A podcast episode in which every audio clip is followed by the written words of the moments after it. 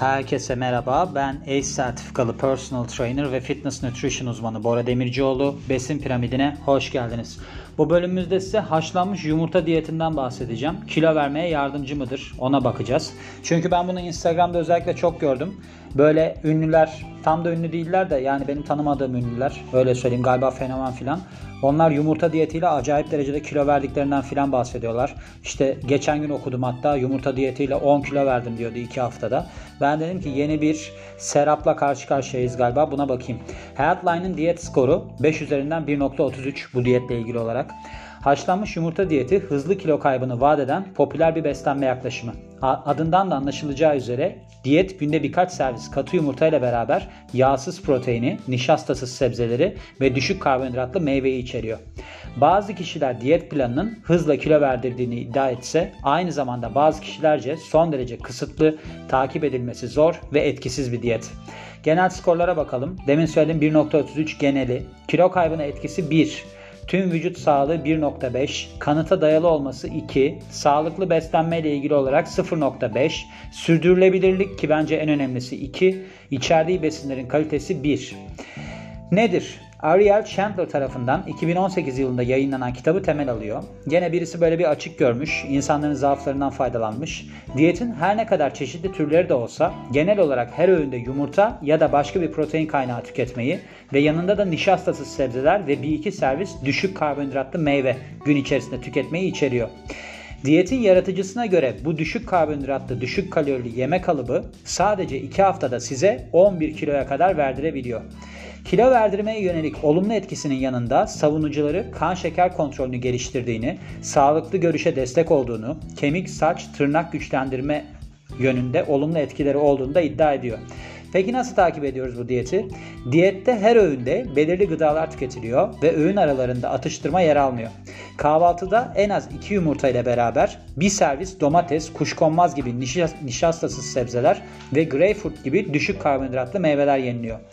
Öğle ve akşam yemeği de nişastasız sebze ya da yumurta küçük bir, per, bir servis yağsız tavuk balık içeriyor. Diyet planında her ne kadar yer almasa bile hafif fiziksel aktiviteyle sonuçlar çok iyi hale getirilebiliyor. Diyet sadece birkaç hafta uygulanmalı ardından bir geçiş dönemiyle normal beslenmeye dönülmeli denilmiş. Şimdi ben kendi yorumumu söyleyeyim size. Bu diyet aslına bakarsanız bir düşük karbonhidratlı diyet, ketojenik diyete yakın bir diyet. Burada size bir yapı sunuluyor. En büyük artısı özellikle insanlar için budur. Neden? Çünkü insanlara mesela annem şu anda yine yanımda. Önünde ben bu karantina süresince şey yaptım. Spor yaptım ve esle, bes, esneme yaptım. Sürekli girip çıkmazsanız çok sevineceğim. Kafam karışıyor. Ondan sonra ve gördüm ki yapmadı.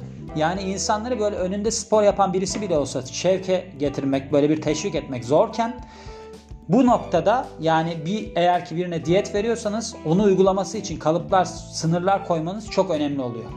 Şimdi burada bu var. Diyor ki mesela sen bunu yiyemezsin. Şimdi bahsedeceğim ne yenilebiliyor, ne yenilemiyor. Ve bunun haricinde de şey yapamıyorsunuz. Hani ben kafama göre böyle takılayım falan diyemiyorsunuz. O yüzden aslında takip etme belli bir süre için kolay olabilir. Şimdi yenilecekler şunlar. Kalorisiz içeceklere izin veriliyor. İzin verilen besinler yani kalorisiz içecek de şu işte light cola ne bileyim işte çay, kahve filan gibi ya da tatlandırıcı eklenmiş çay, kahve gibi. Ne yenilebiliyor? Yumurta, yağsız protein, derisi alınmış tavuk, balık, biftek gibi. Nişastasız sebzeler, ıspanak, brokoli, dolmalık biber, domates, kabak, roka, kara lahana ya da lahana gibi. Düşük karbonhidratlı meyveler. Bunlar limon, portakal, karpuz. Bu berries oluyor. Çilekgiller diyeyim işte dutmut hani çilek ve greyfurt. Yağlar az miktarda. Bu Hindistan cevizi yağı, tereyağı ve mayonez hepsi az miktarda olabiliyor. İçecekler ve baharat. Yani içecekler işte bu şekersiz içecekler. Diyetin bazı çeşitleri yağsız süt, düşük yağlı yoğurt ve peynire de izin veriyormuş. İzin verilmeyenler neler? Nişastalı sebzeler yani patates, tatlı patates, baklagiller, mısır. Yüksek karbonhidratlı meyveler, muz, mango, kuru meyve, ananas. Tahıllar, ekmek, işte makarna, kinoa gibi. Sakatat, işte bu sucuk, sosis falan gibi ve de şekerli içecekler. Diyetin artılarına bakarsak Diyet aralarında yağsız protein, yumurta, meyve ve sebzenin olduğu bol vitamin, mineral ve antioksidan içeren besin yönünden zengin.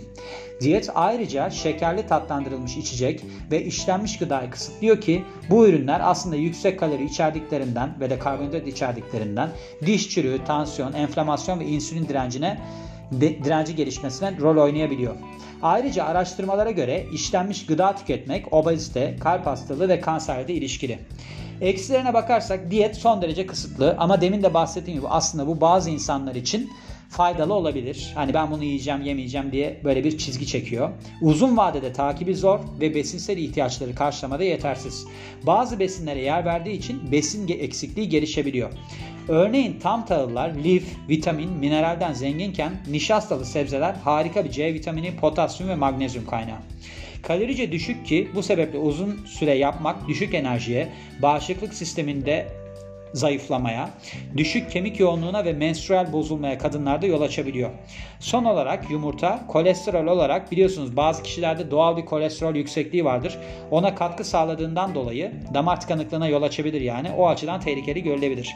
Bu arada ben düşük karbonhidratlı meyvelerden de size bir bahsedeyim. Hani ne olabilir diye. Mesela karadut 100 gramında 4.3 gram karbonhidrat içeriyor. Çilek 100 gramında 5.7 gram. Hindistan cevizi zaten yağla daha çok özdeşleşir bu meyve. 6.2 gram.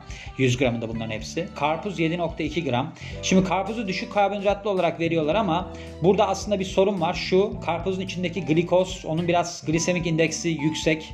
Onu çok tüketmeyin. Yaz geliyor diye bunu ekledim ama şeftali gene 8 gram. Bunun lifi yüksek. O açıdan biraz iyi olabilir. Yine karpuzla eşit ama. Yani bir de karpuzun eksisi nedir? Karpuza oturunca arkadaş bir de suyu da var. Deli gibi yersin yani. Hani benim babamın mesela bir karpuz yemişliği var oturarak. Biz Side'de tatile giderdik. Sürekli öyle fotoğrafları var mesela. Önünde karpuz işte karpuz yiyor filan. O, o yaz öyle geçti. Limon da 6-8 gram 100 gramında. Şimdi burada gördüğünüz gibi bunların karbonhidrat oranları birbirine yakın ama yenilme miktarları artabilir. Yani dediğim gibi karpuz çılgınca yenilebilecek bir meyve. Ya o 2 kilo yersin oturup şişirir ama yine de yersin. Öyle bir hırs yapar bazı insanlar. Ben de onlardan birisiyim. O açıdan böyle durum olabilir. Şimdi genel olarak ben kendi yorumumu ekliyorum. Şöyle. Şimdi burada aslında beslenme yaklaşımı hani liften zengin falan filan diyorlar ama onu ayarlayabilirsiniz. Hani düşük karbonhidratlı olarak beslenerek işte magnezyumdan yüksek deniliyor. İşte orada biraz içerisine badem koyarsınız mesela beslenmenin de.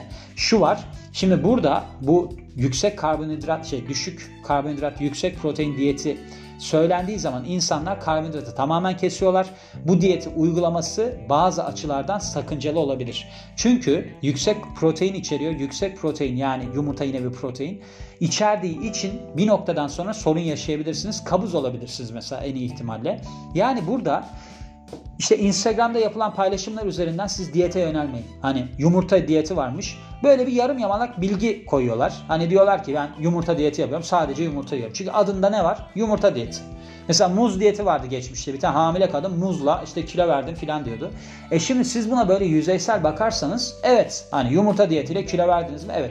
Ne yedin? Yumurta diyeti. Ne yedin? Yumurta. Yumurta diyeti çünkü. İşte bakın ben burada bunu koyuyorum ki aslında yenilebilecek şeyler sadece isim olarak manşet isimler seçiliyor. Yumurta diyeti, katı yumurta diyeti. Şimdi bir de katı yumurta diyeti hani insanlara ben önceden de bir savaşçı diyeti falan söylemiştim ya.